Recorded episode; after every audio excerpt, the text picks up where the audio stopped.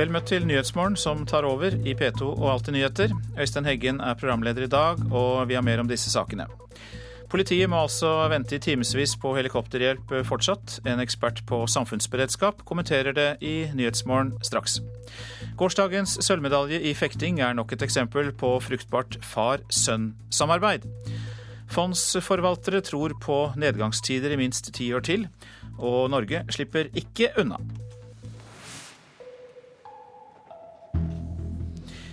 Ja, vi hørte det i Dagsnytt. Ett år etter terrorangrepene kan politiet fortsatt måtte vente lenge på å få skyss med helikopter.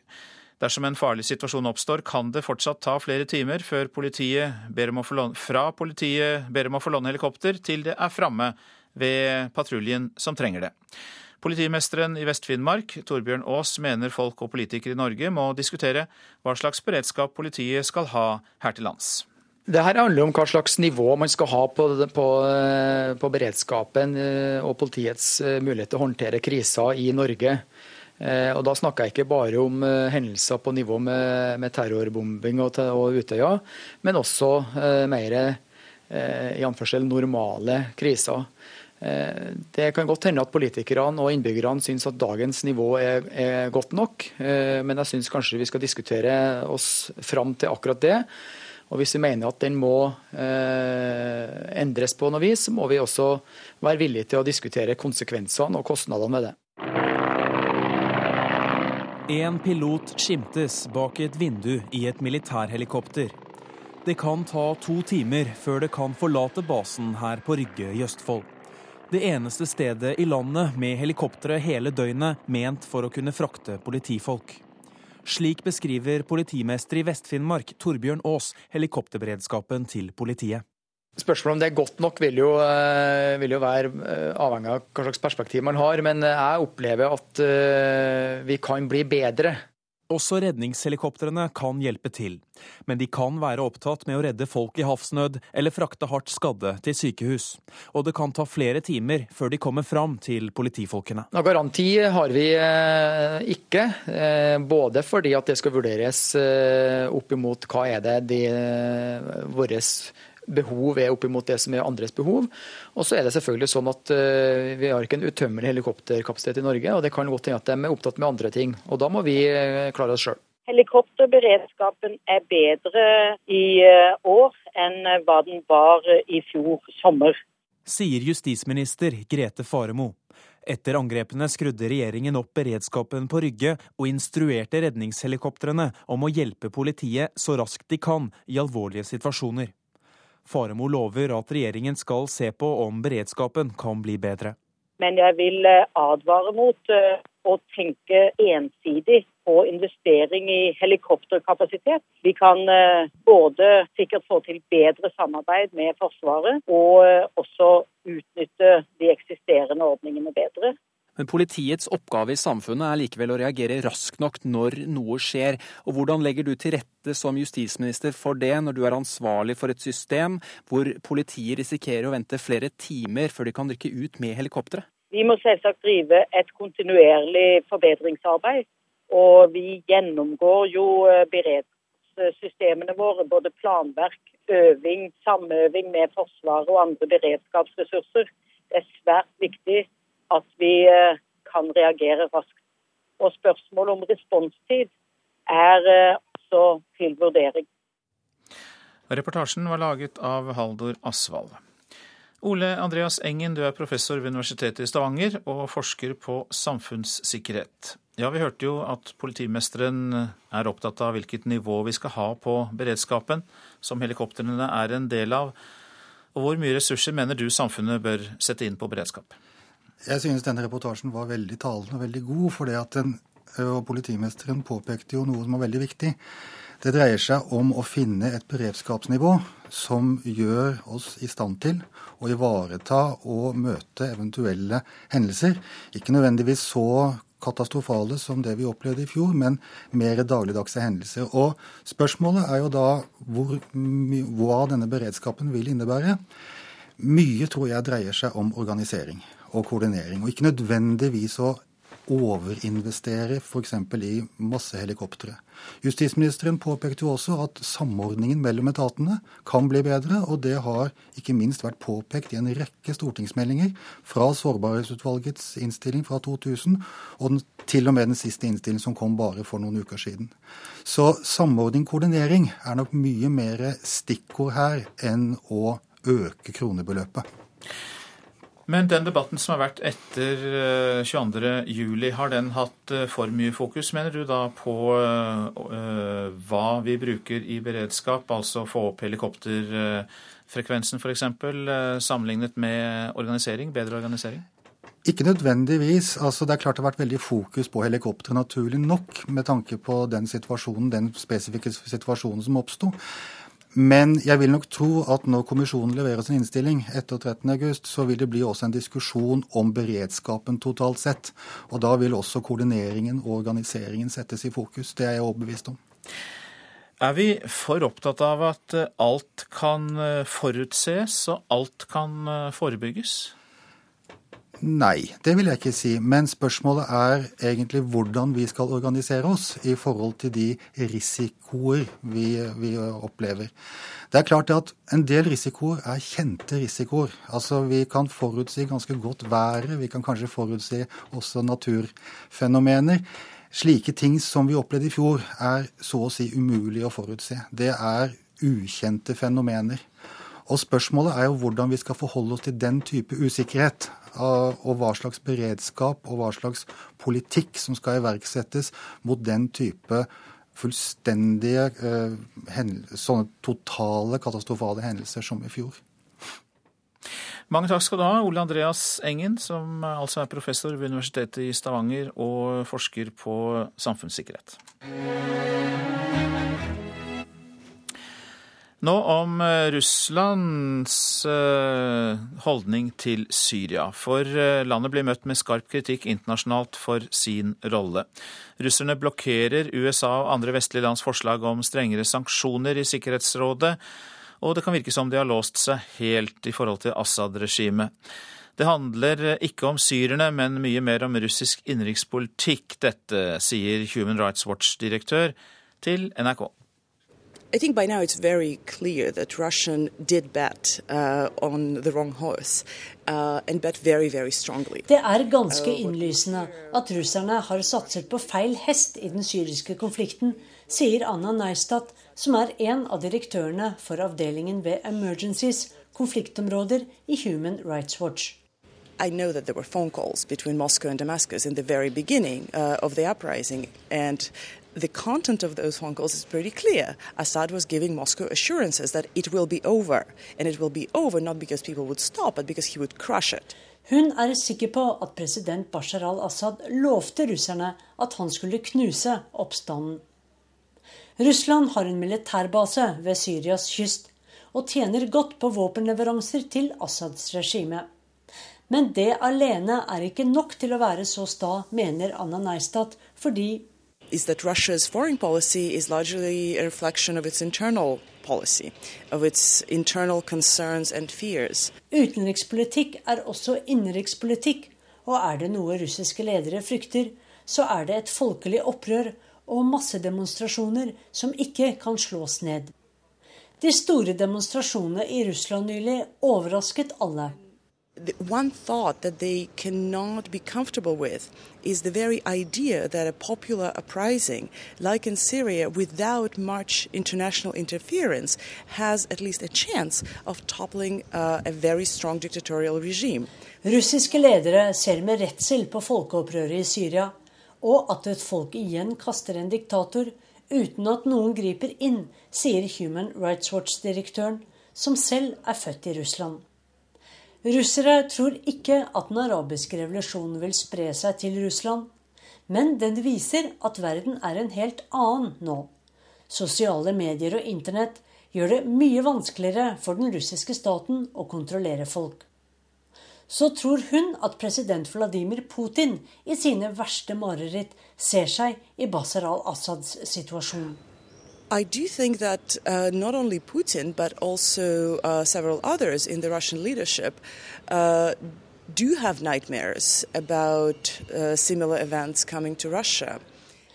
Russland er i ferd med å miste innflytelsen sin i Midtøsten, spår Anna Neistad. And I'm not talking about the military contracts, I'm not talking about the military bases, I'm talking about uh, their role in the region, their prestige, uh, their credibility on the international arena and specifically in the Middle East.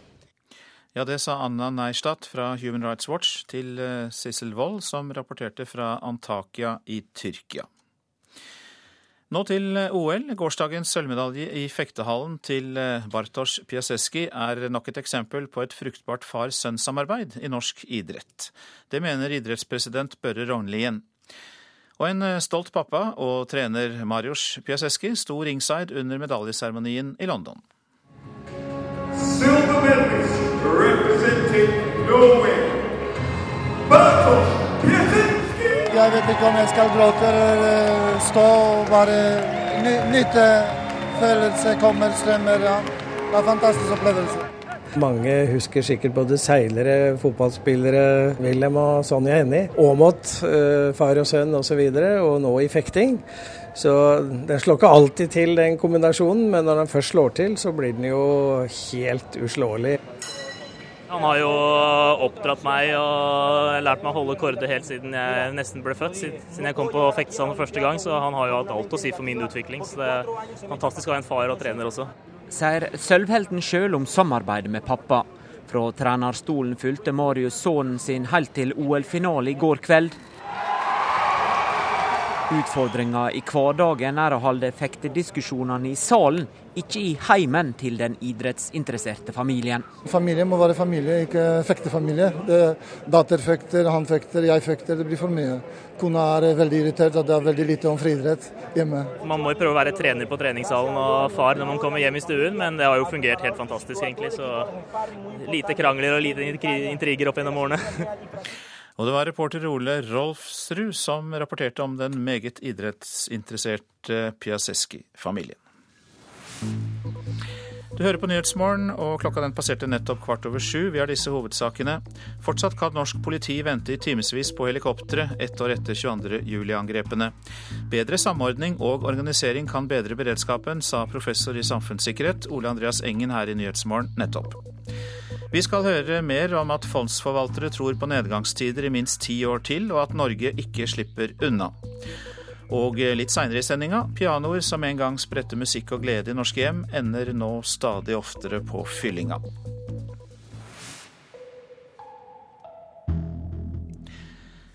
Krisetilstandene vi har sett i Europa til nå, var bare oppvarmingsnummeret til den virkelige økonomiske krisa.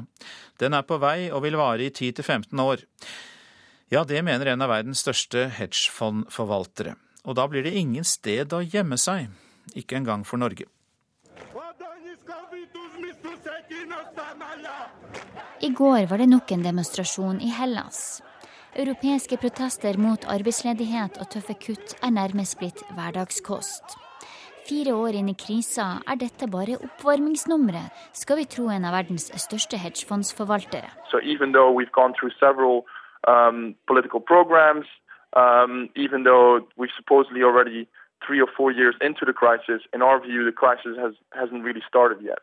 Det sier Steven Desmutter i Man Investment. Finanskrisa ble utløst av boligbobler og kredittbobler blant forbrukere og bedrifter. No secret that falling in a household bubble and a credit bubble on the private side, there's just too much that worldwide and specifically coming in, uh, starting with the US consumer and now also on the government side in, in Europe. Rett og slett for høy gjeld. Det starta med amerikanske forbrukere, og nå er det også europeiske stater. Det som gjør at Men Investment tror det blir enda verre, er at gjeldsnivået ikke har gått ned. Det er tvert imot en god del høyere enn da finanskrisa starta for fire år siden. Verdensøkonomien vakler nå under et berg av gjeld som er så massivt at det vil ta 10-15 år før vi kommer ned til behagelige nivåer. I mellomtida blir det kutt i pensjoner, lønninger og arbeidsplasser. Really, talk doom scenarios here. I think the, the, the honest answer is just the painful answer is that it's a long game. Vi prøver ikke å skremme med dommedag, men det ærlige og smertefulle svaret er at det vil ta lang tid, sier Steven Desmynter, som er sjef for Norden i hedgefondet Man Investment. Og det blir ikke mulig for Norge å gjemme seg. Nettopp fordi det går bra, vil investorer plassere sine penger her, og det vil presse opp krona enda mer og gjøre oss enda mindre konkurransedyktige, sier Desmynter. Investors and savers want to put their money safer where a currency is, is more of a safe for Norway, you have a stronger Norwegian krone. That's not a great scenario, obviously, for, for all the sectors. because Altså dårlige nyheter for norske arbeidsplasser, spesielt i konkurranseutsatt industri og innenfor turistnæringa.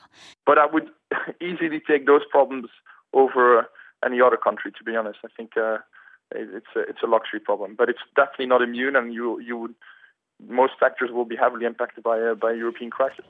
For mange land er gjelda så høy at de ikke vil klare å betale denne. Da forventer hedgefondsforvalterne at flere land enn Hellas vil gå konkurs.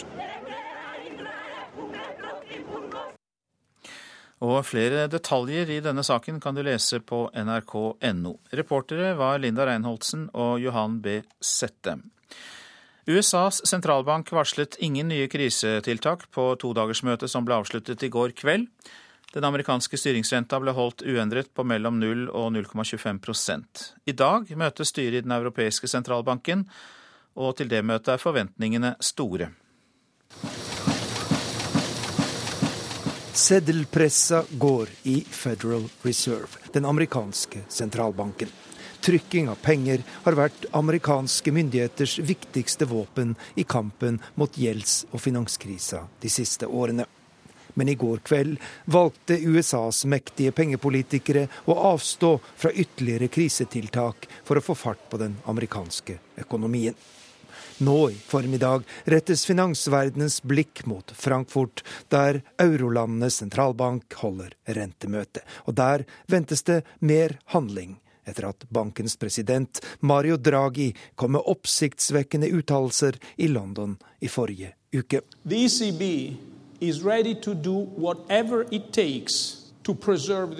ESB vil gjøre alt for å bevare euroen, og tro meg, det vi planlegger vil være nok, sier Draghi.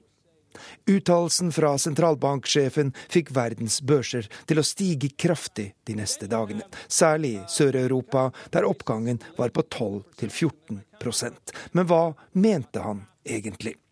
Ekspertene hevder at EU forbereder en kraftfull redningsaksjon for euroen ved at ESB og EUs redningsfond kjøper statspapirer fra Sør-Europa i ubegrenset omfang. Men tyske myndigheter er skeptiske til slike planer, og markedene frykter det verste foran dagens møte i Frankfurt. Har Mario Draghi, også kalt Super-Mario, vært for stor i kjeften?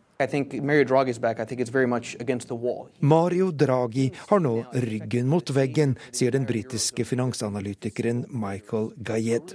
Han har jo praktisk talt fremstått som euroens redningsmann de siste dagene, og dersom det ikke kommer noen klare signaler etter dagens møte i Frankfurt, er det duket for en kraftig kalddusj i finansmarkedene, sier den britiske eksperten. Og det sa reporter Arnt Stefansen. Og så har vi fått besøk i studio av Erik Bruse, som er sjefanalytiker i Nordea. Ja, hva tror du er det mest sannsynlige sentralbanken, den europeiske, altså gjør i dag? Ja, Det er veldig vanskelig å svare på. Han har lagt listen svært høyt, som vi hørte her. Han har framstått som redningsmannen for euro, og man venter store tiltak. Og han har overrasket markedene før med å komme med tiltak man ikke har tenkt på. Men, men, det må jo være et eller annet som bringer ned spanske og italienske statsrenter. Altså en eller annen form for kjøp av statshjelp eh, i markedet. Altså at til syvende og sist sentralbanken blir den som låner penger til, til, til Spania og, og, kanskje også Italia. Eh, for det, det, er det som er hovedutfordringen for euroland nå. Altfor høye renter på statsgjelden i, i Spania. Fare for et mulig mislighold og, og til og med en oppløsning av euroen. Så, så, det er et eller annet i den retning som, som markedet forventer, og, og, og som man kanskje vi får eh, svar på i dag. Og så er det vel veldig vanskelig for, disse, for Den europeiske sentralbanken å sette rentenivået eh, et nivå som passer for eh, alle land i euroområdet? Ja, det kan du godt si. Nå, nå, er jo styringsrenten i euroland den er jo nær null. Men hovedproblemet er at veldig mange, bl.a. den spanske staten, banker i Sør-Europa, de betaler en helt annen rente. Det enorme risikopåslag som markedene krever, fordi de er redd for konkurs. Og Det er dette som er hovedproblemet nå, å få ned rentene på bankers, og særlig da det som er aktuelt nå, spanske statens eh, gjeld. Kan du forklare for oss litt denne dynamikken mellom USA og euroområdet? For USAs finansminister Timothy Geithner eh, han var jo tidligere i uken i Europa og møtte EU-ledere og formante eh, dem om hva de skal gjøre. Hvor, hvor, hvor viktig er denne dynamikken mellom USA og EU? Det, det, som er faren, er jo at uh, Spania, Italia kanskje misligholder gjelden sin. Uh, statsgjelden, bankene går konkurs. Da kan vi få en ny finanskrise. Det kommer til å ramme hele verdensøkonomien, inklusive USA. Uh, og det er det, er der, det er det, som er dynamikken her. USA ser nå at for å sikre en, en vekst framover i økonomien, så er det viktig at vi unngår en finanskrise i Europa. Og Derfor så presser de på europeiske lederne om å gjøre noe for å, for å hindre at vi får et sånn massivt mis, mislighold, kanskje en oppløsning av euroen. Noe som vil ha enormt negative konsekvenser for finansmarkeder og vekst i hele verden. Det som Den europeiske sentralbanken da skal gjøre i dag, kanskje tiltak som overrasker fra sjefen der, Mario Draghi. Hvilken virkning vil det kunne ha for Norge, tror du? Det er jo svært avgjørende for Norge også at vi får orden på situasjonen i Europa, at vi unngår eh, en ny finanskrise. Eh, så, så det vil være helt avgjørende for Norge at, eh, at, kom, at, situasjonen i Europa bedres. Ikke bare fordi det er et viktig eksportmarked for oss, men også fordi norske banker er avhengig av finansiering i utlandet. Ja, vi er avhengig av en stabil finans, situasjon i finanssystemet. Når jeg først har deg her, Erik Bruse, så skriver jo Aftenposten i dag at norske boligpriser øker mest i verden. Eh, hvor skal det ende, tror du? Nei, det, eh, Norge er jo en foreløpig da, en ekstremt gunstig posisjon med veldig lave renter, lav arbeidsledighet, høy inntektsvekst, høy befolkningsvekst. Og, og det, det, det, kan drive boligprisene mye høyere, men at det kommer et tilbakeslag, det er jeg ganske sikker på når de, disse, en av disse gunstige faktorene da snur. F.eks. hvis rentene øker mye, eller vi får en krise hvor arbeidsledigheten faller. Da, da, kan, da blir ned, nedsiden i boligmarkedet stor. Men når kan heller ikke du si om det er en uke, 14 dager, tre år? Nei, det, det er helt klart. Det kan være et år, det kan være ti år. Eh, det, det er umulig å si. Mange takk for at du kom til oss, Erik Bruse, sjefanalytiker i Nordea. Så skal vi se på hva avisene skriver i dag. Kampfiksingskandalen vokser, er oppslaget i VG. Kamper tolv år tilbake i tid granskes. Flere idrettskjendiser frekventerte spillekiosken i Oslo, der politiet mistenker at den korrupsjonssiktede eieren organiserte kampfiksing. Det er Aftenposten som altså skriver om norske boligpriser som øker mest i verden, men Dagbladet er også opptatt av dette. Boligmarkedet koker og spår et brennhett marked i august etter at prisene i juli steg mer enn normalt. Mer plass utenfor byen til lavere pris, skriver Adresseavisen om. Enebolig på Orkanger eller rekkehus på Kattem koster det samme som ett- og toromsleiligheter i Trondheim sentrum. Norsk industri frykter at neste krise kan bli verre enn i 2008, kan vi lese i Dagens Næringsliv. Det er fallende etterspørsel og frykt for bankkollaps i Europa. Mens bøndene de frykter kraftfôrprisen. Det er nasjonens oppslag. Dårlige avlinger har ført til prisøkning på kraftfôr, og norske bønder kan få ekstrautgifter i hundremillionersklassen. Forsvaret driver rovdrift på ansatte, det er Klassekampens oppslag.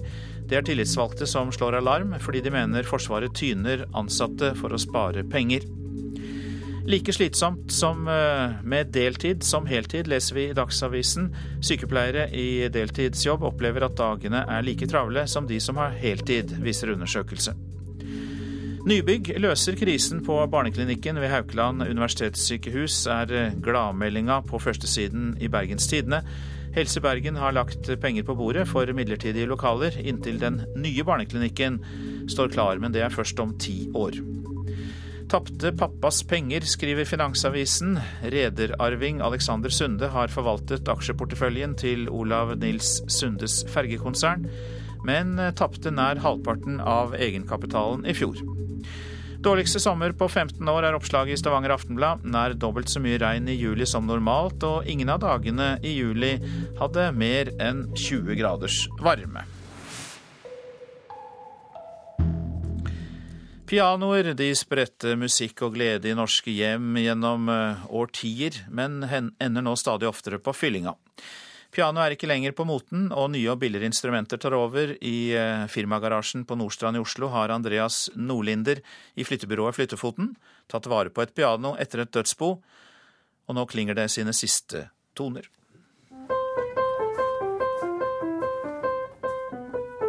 Høres jo ikke så verst ut, da. Nei da. Det er Altså, det hadde jo tenkt å gi det bort, men det, kast, det? det kastes istedenfor. Det gamle pianoet synger på det aller siste verset, der Andreas Nordlinder og en kollega triller det over grusen, laster det om bord i flyttebilen og kjører av gårde. Neste stopp renovasjonsanlegget på Brobekk. Unnskyld? Eh, piano, hvor skal det? Ja. Nordlinder har inntrykk av at han frakter pianoer til anlegget oftere nå enn da han startet flyttebyrået for åtte år siden. Vi føler det, at det kastes eh, en del mer enn før. Garantert. Kastes mye mer enn før. Med snart 40 års fartstid i bransjen bekrefter pianotekniker og butikkinnehaver Trond Hellstrøm inntrykket. Han må også selv ta turen til Brobekk for kunder. Vi kjører nok pianoer, eh, i hvert fall en eh, to-tre pianoer eh, i måneden på fyllinga. Det er et minimum. Pianoer fra asiatiske land er nå blitt så rimelige at det kan være billigere å kjøpe nytt enn å sette i stand gammelt. Dessuten endrer pianomotene seg. Nå skal de gjerne være svarte, og dermed blir det vanskelig å få solgt dem som ikke er det. Særlig de som blir produsert på 60-70-tallet, som alle er ganske små og ganske brune. Enten i teak, nøttetre, mahogni eller palisander. Noe som overhodet ikke harmonerer med folk flest innen interiører. Om uh, pianoenes sørgelige skjebne fortalte reporter Gjermund Jappé. Produsent for Nyhetsmorgen i dag, det er Jean Erik Bjørnskau. Her i studio sitter Øystein Heggen. Vi skal straks få Dagsnytt, men etterpå skal vi høre at ingen by i verden har hatt større vekst i antall turister enn Berlin. Og vi får besøk av en medieforsker som mener at journalister tåkelegger miljødebatten.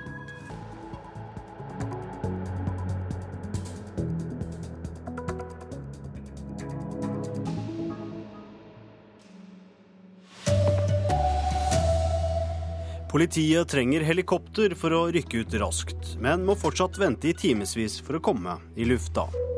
Prisen på boliger stiger mer i Norge enn i noe annet vestlig land og et langt samarbeid mellom far og sønn ble kronet med OL-medalje i går kveld. Her er NRK Dagsnytt, klokken er 7.30. Eh, ja, ett år etter terrorangrepene kan politiet fortsatt måtte vente lenge på å få skyss med et helikopter. Dersom det oppstår en farlig situasjon, så kan det fortsatt ta flere timer fra politiet ber om å få låne et helikopter, til det er framme hos politipatruljen som trenger det. En pilot skimtes bak et vindu i et militærhelikopter. Det kan ta to timer før det kan forlate basen her på Rygge i Østfold. Det eneste stedet i landet med helikoptre hele døgnet ment for å kunne frakte politifolk.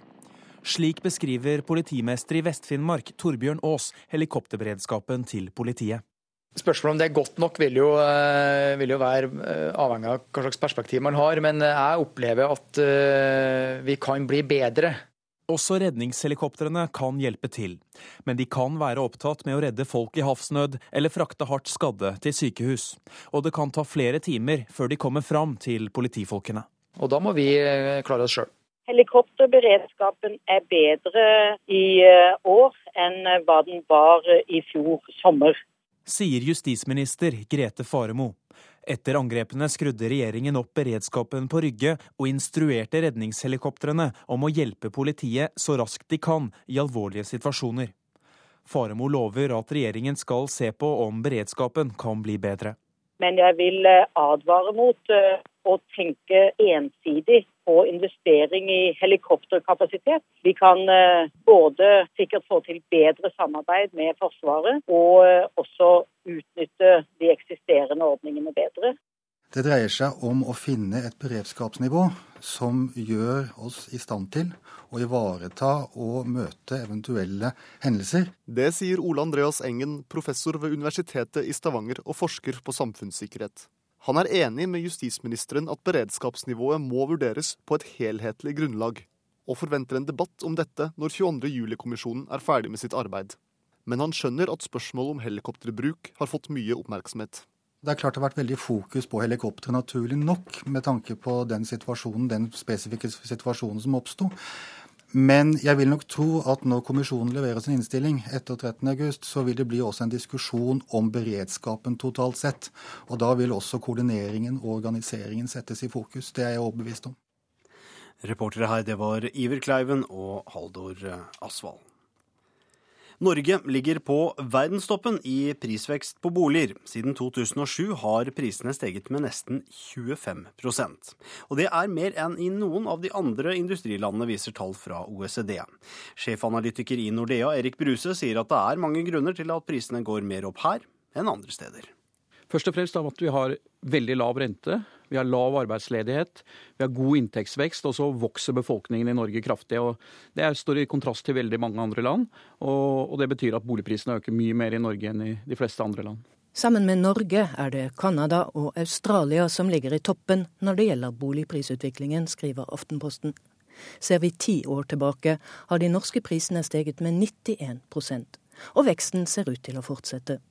Senest i går la eiendomsmeklerne fram tall som viser at prisen har steget mer enn vanlig i sommer, noe førstegangskjøper Mats Forsum er en av dem som har fått erfare. Nei, Det er jo veldig tøft, og man må jo bare gå på visninger og se om man finner noe som ikke blir altfor dyrt over takstfeller. For alt er jo noen tendens til å gå til 300 000-400 000 over takst, det er jo normalt. Vi skal ikke lenger enn til Danmark for å finne en helt annen utvikling. Der har prisene falt med 20% siden 2007. I Irland er de halvert. Også i Norge kommer et prisfall. Spørsmålet er når, sier Bruse. Men får vi en økonomisk krise i Norge med økende arbeidsledighet, eller en situasjon hvor rentene øker mye, så, så tror jeg boligprisene vil falle. Men om det skjer om ett år eller fem år, det, det er veldig vanskelig å si. Sa Erik Bruse, reporter Katrin Hellesnes. Krisetilstandene vi har sett i Europa til nå, var bare oppvarmingsnummeret til den virkelige økonomiske krisen. Den er nå på vei og vil vare i 10-15 år, mener en av verdens største hedgefondforvaltere. Da blir det ingen steder å gjemme seg, selv ikke for Norge. Europeiske protester mot arbeidsledighet og tøffe kutt er nærmest blitt hverdagskost. Fire år inn i krisa er dette bare oppvarmingsnummeret, skal vi tro en av verdens største hedgefondsforvaltere. Det sier Steven Desmitter i Man Investment. Rett og slett for høy gjeld. Det som gjør at Men Investment tror det blir enda verre, er at gjeldsnivået ikke har gått ned. Det er tvert imot en god del høyere enn da finanskrisa starta for fire år siden. Verdensøkonomien vakler nå under et berg av gjeld som er så massivt at det vil ta 10-15 år før vi kommer ned til behagelige nivåer. I mellomtida blir det kutt i pensjoner, lønninger og arbeidsplasser. I think the, the, the honest answer is just the painful answer. Vi prøver ikke å skremme med dommedag, men det ærlige og smertefulle svaret er at det vil ta lang tid, sier Steven Desminter, som er sjef for Norden i hedgefondet Man Investment. Og det blir ikke mulig for Norge å gjemme seg. Nettopp fordi det går bra, vil investorer plassere sine penger her, og det vil presse opp krona enda mer og gjøre oss enda mindre konkurransedyktige, sier Desminter. For Norway, you have a stronger Norwegian krone. Ja, og Reportere her det var Linda Reinholdsen og Johan B. Settem. I USA har eh, president Barack Obama gitt grønt lys for en opptrapping av støtten til opprørerne i eh, Syria. Ordren gir amerikanske etterretningsorganisasjoner bred mulighet til å hjelpe opprørerne med å styrte president Bashar al-Assad. Det hvite huset i Washington vil ikke kommentere saken, men nyhetsbyrået Reuters har opplysningene fra anonyme regjeringskilder. For i Sikkerhetsrådet så blokkerer Russland eh, og USA og vestlige lands forslag om strengere sanksjoner mot Syria. Russland møter skarp kritikk internasjonalt for sin rolle i Syria-konflikten. Dette handler ikke om eh, syrerne, men mye mer om russisk innenrikspolitikk, sier Human Rights Watch-direktør til NRK. I think by now it's very clear that Russian did bet on the wrong horse and bet very, very strongly. Det er ganske uh, innlysende at russerne har satset på feil hest i den syriske konflikten, sier Anna Neistat, som er en av direktørene for avdelingen ved Emergencies, konfliktområder i Human Rights Watch. Hun er sikker på at president Bashar al-Assad lovte russerne at han skulle knuse oppstanden is that Russia's foreign policy is largely a reflection of its internal policy, of its internal concerns and fears. Utenrikspolitikk er også innenrikspolitikk, og er det noe russiske ledere frykter, så er det et folkelig opprør og massedemonstrasjoner som ikke kan slås ned. Så tror Human Rights Watch-direktøren at president Vladimir Putin i sine verste mareritt ser seg i Basar al-Assads situasjon. I do think that not only Putin, but also several others in the Russian leadership do have nightmares about similar events coming to Russia. Reporter her, det var eh, Sissel Wold. Vi skal eh, videre til eh, OL nå, for gårsdagens sølvmedalje i fektehallen i London er nok et eksempel på et fruktbart far-sønn-samarbeid i norsk idrett. Det mener idrettspresident Børre Rognlien. Bartosz tok en historisk eh, sølvmedalje, og en stolt pappa og trener Marius Piasetski sto på indre bane under medaljeseremonien i OL-byen.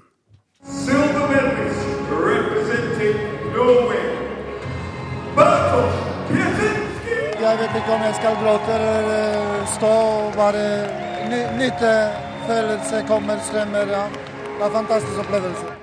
Mange husker sikkert både seilere, fotballspillere, Wilhelm og Sonja Hennie. Aamodt, eh, far og sønn osv., og, så og nå i fekting. Så den slår ikke alltid til, den kombinasjonen, men når den først slår til, så blir den jo helt uslåelig. Han har jo oppdratt meg og lært meg å holde kårde helt siden jeg nesten ble født. Siden jeg kom på Fektesand første gang, så han har jo hatt alt å si for min utvikling. Så det er fantastisk å ha en far og trener også sier sølvhelten sjøl om samarbeidet med pappa. Fra trenerstolen fulgte Marius sønnen sin helt til OL-finale i går kveld. Utfordringa i hverdagen er å holde fektediskusjonene i salen, ikke i heimen til den idrettsinteresserte familien. Familie må være familie, ikke fektefamilie. Datter fekter, han fekter, jeg fekter. Det blir for mye. Kona er veldig irritert at det er veldig lite om friidrett hjemme. Man må jo prøve å være trener på treningssalen og far når man kommer hjem i stuen, men det har jo fungert helt fantastisk, egentlig. Ja, Reporter her, det var Ole Rolfsrud. Ansvarlig for sendingen Ulf Tannes Fjell, teknisk ansvarlig Espen Hansen. Jeg heter Arne Fossland.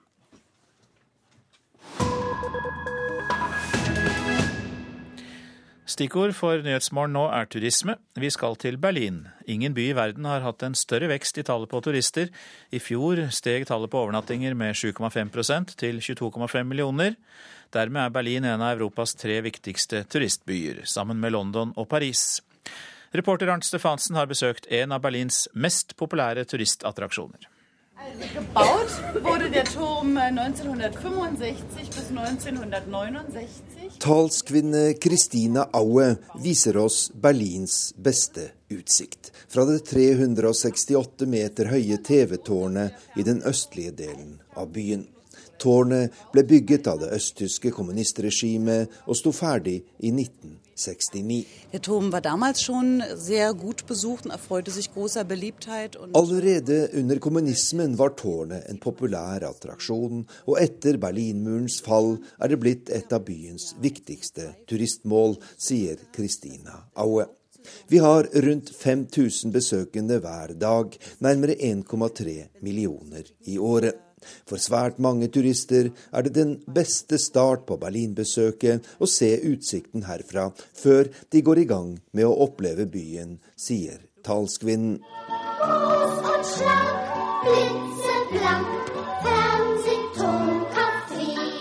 TV-tårnet i Øst-Berlin er et symbol på den kalde krigen, og sangen du hører er en hyllest til monumentet, fremført av det østtyske kommunistpartiets barnekor.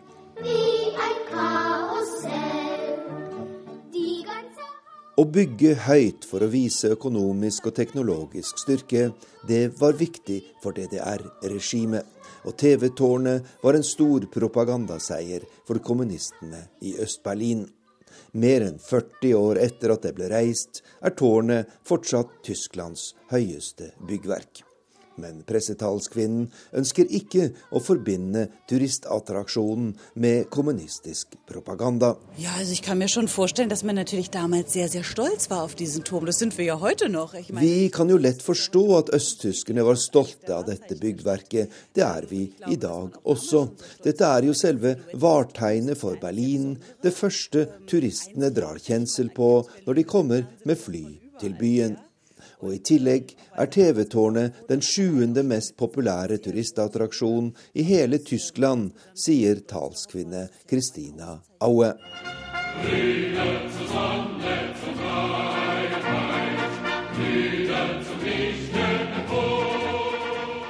Det fortelles mange historier om Berlins berømte TV-tårn, og den mest kjente er knyttet til en fysisk særegenhet. Når sola står i en bestemt stilling, ser man et kristent kors som speiles i glassvinduene i tårnets kuppel. Dette vakte stor munterhet blant vanlige borgere i det tidligere DDR, og fenomenet ble på folkemunne kalt pavens hevn. Das mochte man, glaube ich, damals nicht so sehr gerne, weil ähm, ja. DDR-ledelsen likte dette korset dårlig, fordi regimet sto for et ateistisk livssyn og undertrykket kirken, sier pressetalskvinnen. Det sies at sikkerhetstjenesten Stasi kalte inn arkitekten og beskyldte ham for sabotasje. Man skal til og med ha vurdert å rive bygget for å bli kvitt det brysomme korset. Men til slutt kom en fra kommunistpartiet med en lys idé. Det er ikke et kristent kors, det er et plusstegn. Et pluss for sosialismen, sier talskvinnen leende. Berlin bleibt doch Berlin.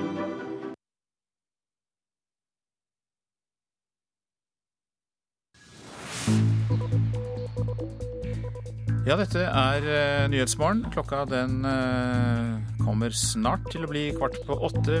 Dette er stikkord for hovedsakene. Politiet trenger helikopter for å rykke ut raskt, men må fortsatt vente i timevis for å komme i lufta. Prisen på boliger stiger mer i Norge enn i noe annet vestlig land. Og det er langt flere barn og ungdom som har ADHD-diagnose i Nord-Norge enn i resten av landet. Det skal vi snart høre mer om. Men nå har vi fått besøk av medieforsker Andreas Ytterstad og av journalist i Dagens Næringsliv Kjetil Alstadheim. Vi skal diskutere klimajournalistikk. Og Ytterstad, du hevder at objektive og nøytrale journalister bidrar til å tåkelegge miljødebatten. Ja, hvorfor det? Det er viktig å si at objektivitet og nøytralitet er to mulige synonymer. Objektivitet kan bety flere ting. Det er den nøytraliteten, særlig den påtatte nøytraliteten i det som ofte blir regna som klimadebatten.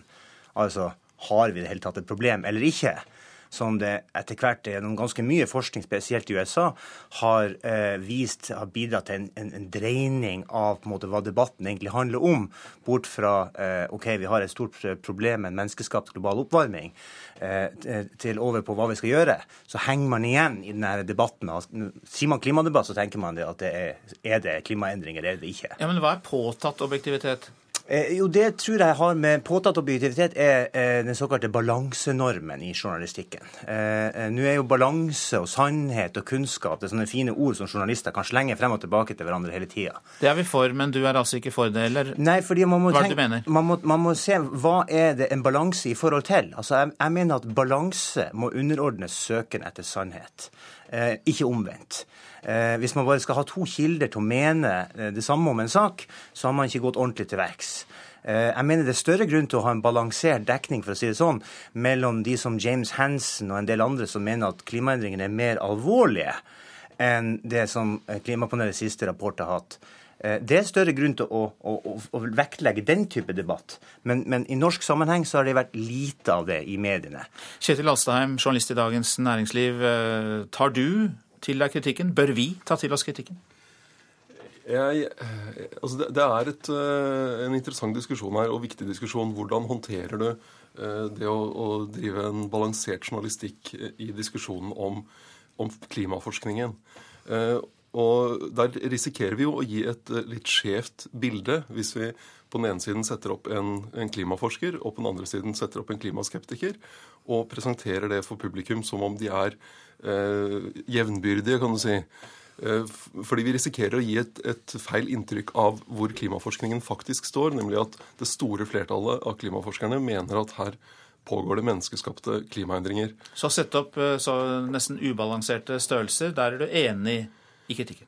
Eh, ja, i den grad vi gjør det. Jeg mener at det er jo viktig at de som er skeptiske til, til den, den konsens, forskningskonsensusen som er, også kan slippe til. Men det må jo ikke gi Hvis vi gir publikum inntrykk av at her er det veldig stor strid om eh, det sentrale utgangspunktet, nemlig om mennesker påvirker klimaet, så, så, blir jo det feil. Da blir jo det, da blir det dårlig journalistikk. Ja, da får du støtte for dette ytterst, da? På akkurat det punktet er jeg enig, men, eh, men det er så... mye annet rart i, i, i det Ytterstad har ja, men nevn, nevn, et par rare ting da, før vi gir Ytterstad ordet igjen. Ja, eh, han, han, er opptatt av hvordan vi som journalister dekker f.eks. internasjonale klimaforhandlinger, og at vi er for for opptatt av eh, det politiske spillet og interessemotsetningene mellom landene. Uh, og det syns jeg er veldig merkelig. At når vi dekker eh, internasjonale klimaforhandlinger som handler om interessekonflikter mellom store land, mellom USA og Kina, mellom Europa og, og India, at vi skal skrive mindre om det og mer om, som Ytterstad er opptatt av, de som demonstrerer utenfor forhandlingslokalene. Ytterstad.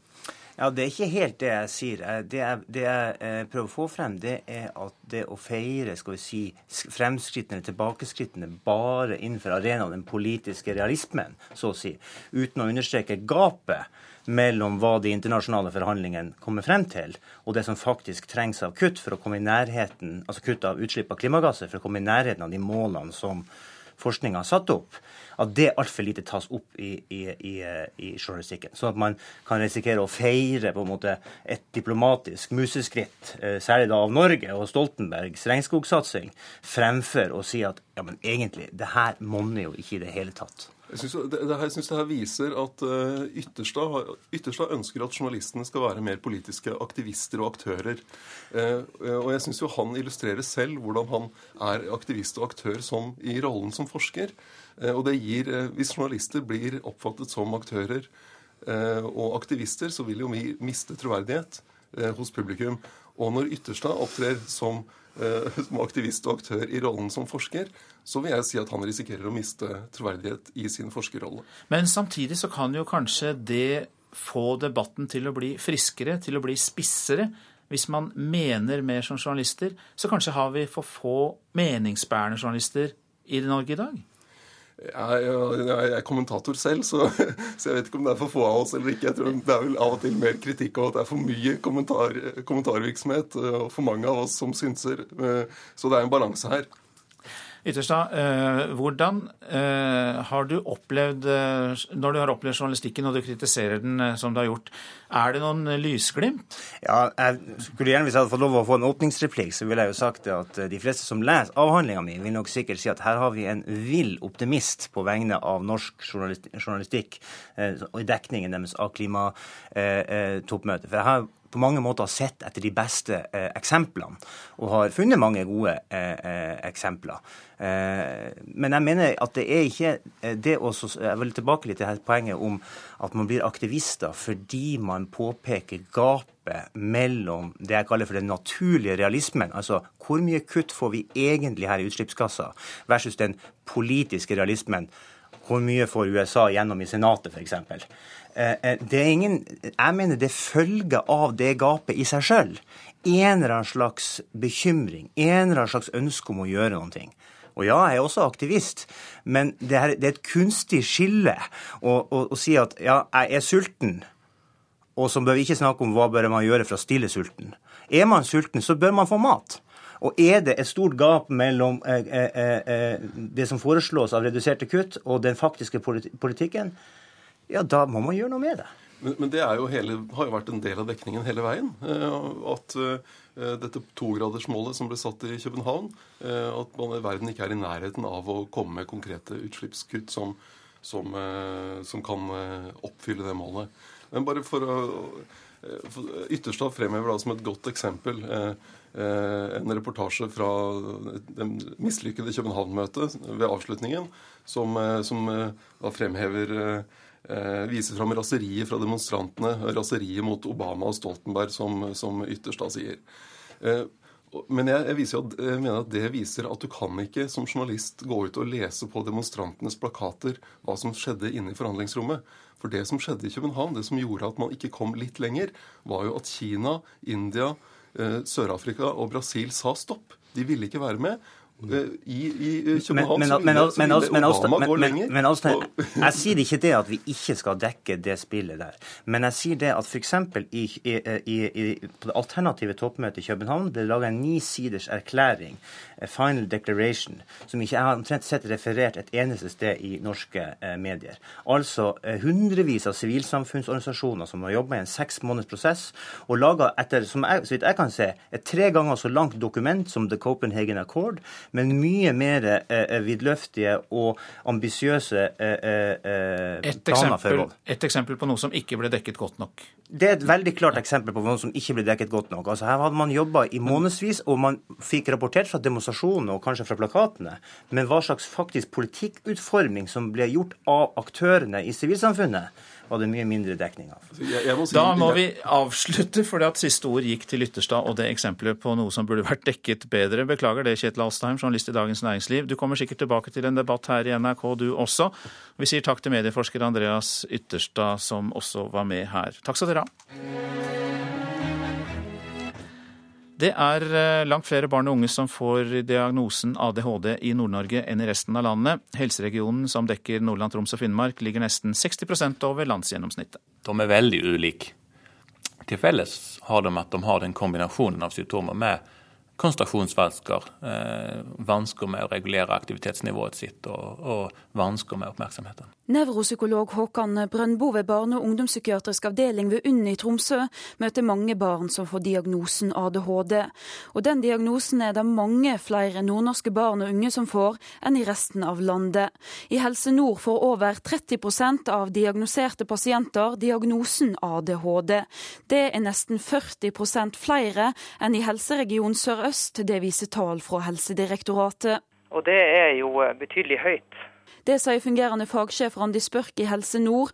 Alle distriktene i Nordland, Troms og Finnmark ligger over landssnittet, men spesielt Nordlandssykehuset har høye tall. Sykehuset ligger mer enn 150% over landsgjennomsnittet. Helse Nord starter nå opp et forskningsprosjekt for å finne ut hvorfor. Det er jo uh, viktig, for at uh, det må jo være noen årsakssammenhenger her. Uh, og det vil jo være rart at at vi skulle ha så mye betydelig høyere andel enn resten av landet. Reporter her Stine Hommedal. Nå til Tina Fosseng fra Finnsnes, som er en av mer enn 32 000 spillere på Norway Cup i Oslo denne uka. 15-åringen med Downs syndrom har ikke noe eget fotballtilbud, så hun ble like gjerne spiss på Finnsnes ordinære jentelag, og de gjør det bra. Kom igjen, da! Kom igjen! Konkurranseinstinktet på topp, men det skal være rom for alle på Ekebergsletta. Over 1600 lag deltar i årets utgave av Norway Cup, deriblant Finnsnes sitt Jenter 15-lag, der Tina Fosseng spiller. Og hun har planen klar for turneringen. Hvor mest mål? Du har skjønt det å gå på retur? Han merket. Han merket ut. Er du en måltjuv? Ja. Mamma Grete Berg Fosseng følger kampene tett fra sidelinjen. Det har gått veldig bra. de er kommet til 16-finalen. De vant pulja si, og det hadde vi ikke trodd. Det er ikke et eget fotballtilbud til ungdommer med nedsatt funksjonsevne i Finnsnes. Og Tina, som har Downs syndrom, spiller derfor sammen med jevnaldrende på lokalklubbens ordinære jentelag. Man er jo stolt både av henne og av jentene rundt henne, som er utrolig flinke å ivareta henne både sportslig og på det sosiale planet. Så inkluderer hun meg i alt. Ordinære lag som har en spiller med nedsatt funksjonsevne i startoppstillingen, har dispensasjon fra Norges Fotballforbund til å ha en ekstra spiller på banen. Sånn at hun ikke på seg opptar en plass, da. Vi eh, hadde ikke trodd hun skulle få være med så lenge, så nå tar vi ett år av gangen. Og jeg er glad for hvert år hun får være med, og hun sjøl har lyst til å være med. Så. Om det er opp til lagvenninnene, kan det fort bli flere år. Jeg syns hun er veldig flink og veldig snill. og Det går veldig fint. Eh, jeg syns Tina er veldig flink til når vi har corner og lurer med seg spillere. For hvor lenge har dere spilt sammen? Ca. seks år. Har dere et godt samarbeid siden dere har spilt lenge sammen? Ja, på en måte. Er du enig i det? Ja. Og Ekebergsletta har ikke bare fotball å by på. Det Er mye fint å se opp på Ekebergsletta? Ja, det hva du så? hun er kjekk gutt. Norway Cup er kanskje noe av det kuleste som finnes for 15-åringer. At de bor på skolen. Men like kult er det ikke alltid med foreldre. Ja, du får høre.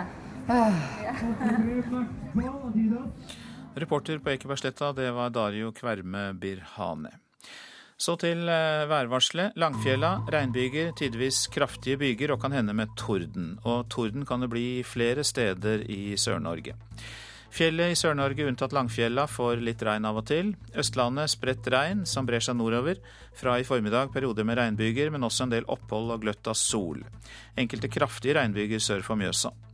Telemark regnbyger, lokalt mye nedbør. Agder får skyet vær og regnbyger, lokalt mye nedbør også ved Agder. Regnbyger i Rogaland. Hordaland regn fra i formiddag. Eh, perioder med regnbyger. Sogn og Fjordane regnvær. I ettermiddag eh, økende til eh, nordøst liten kuling ved Stad. Ellers blir det etter hvert oppholdsvær i Sogn og Fjordane.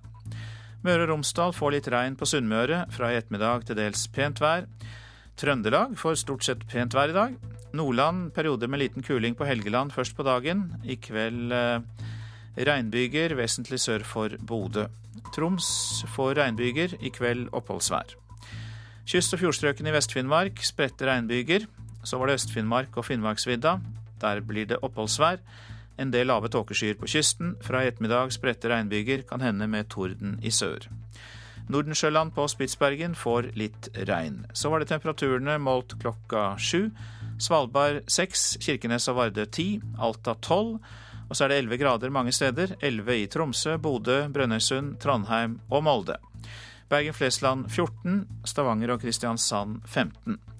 Gardermoen 13 grader klokka 7, Lillehammer 12 grader, Røros 4 grader og Oslo-Blindern 15 grader. Prosent for eh, Nyhetsmorgen er Jean-Erik Bjørnskaug, teknisk ansvarlig Espen Hansen.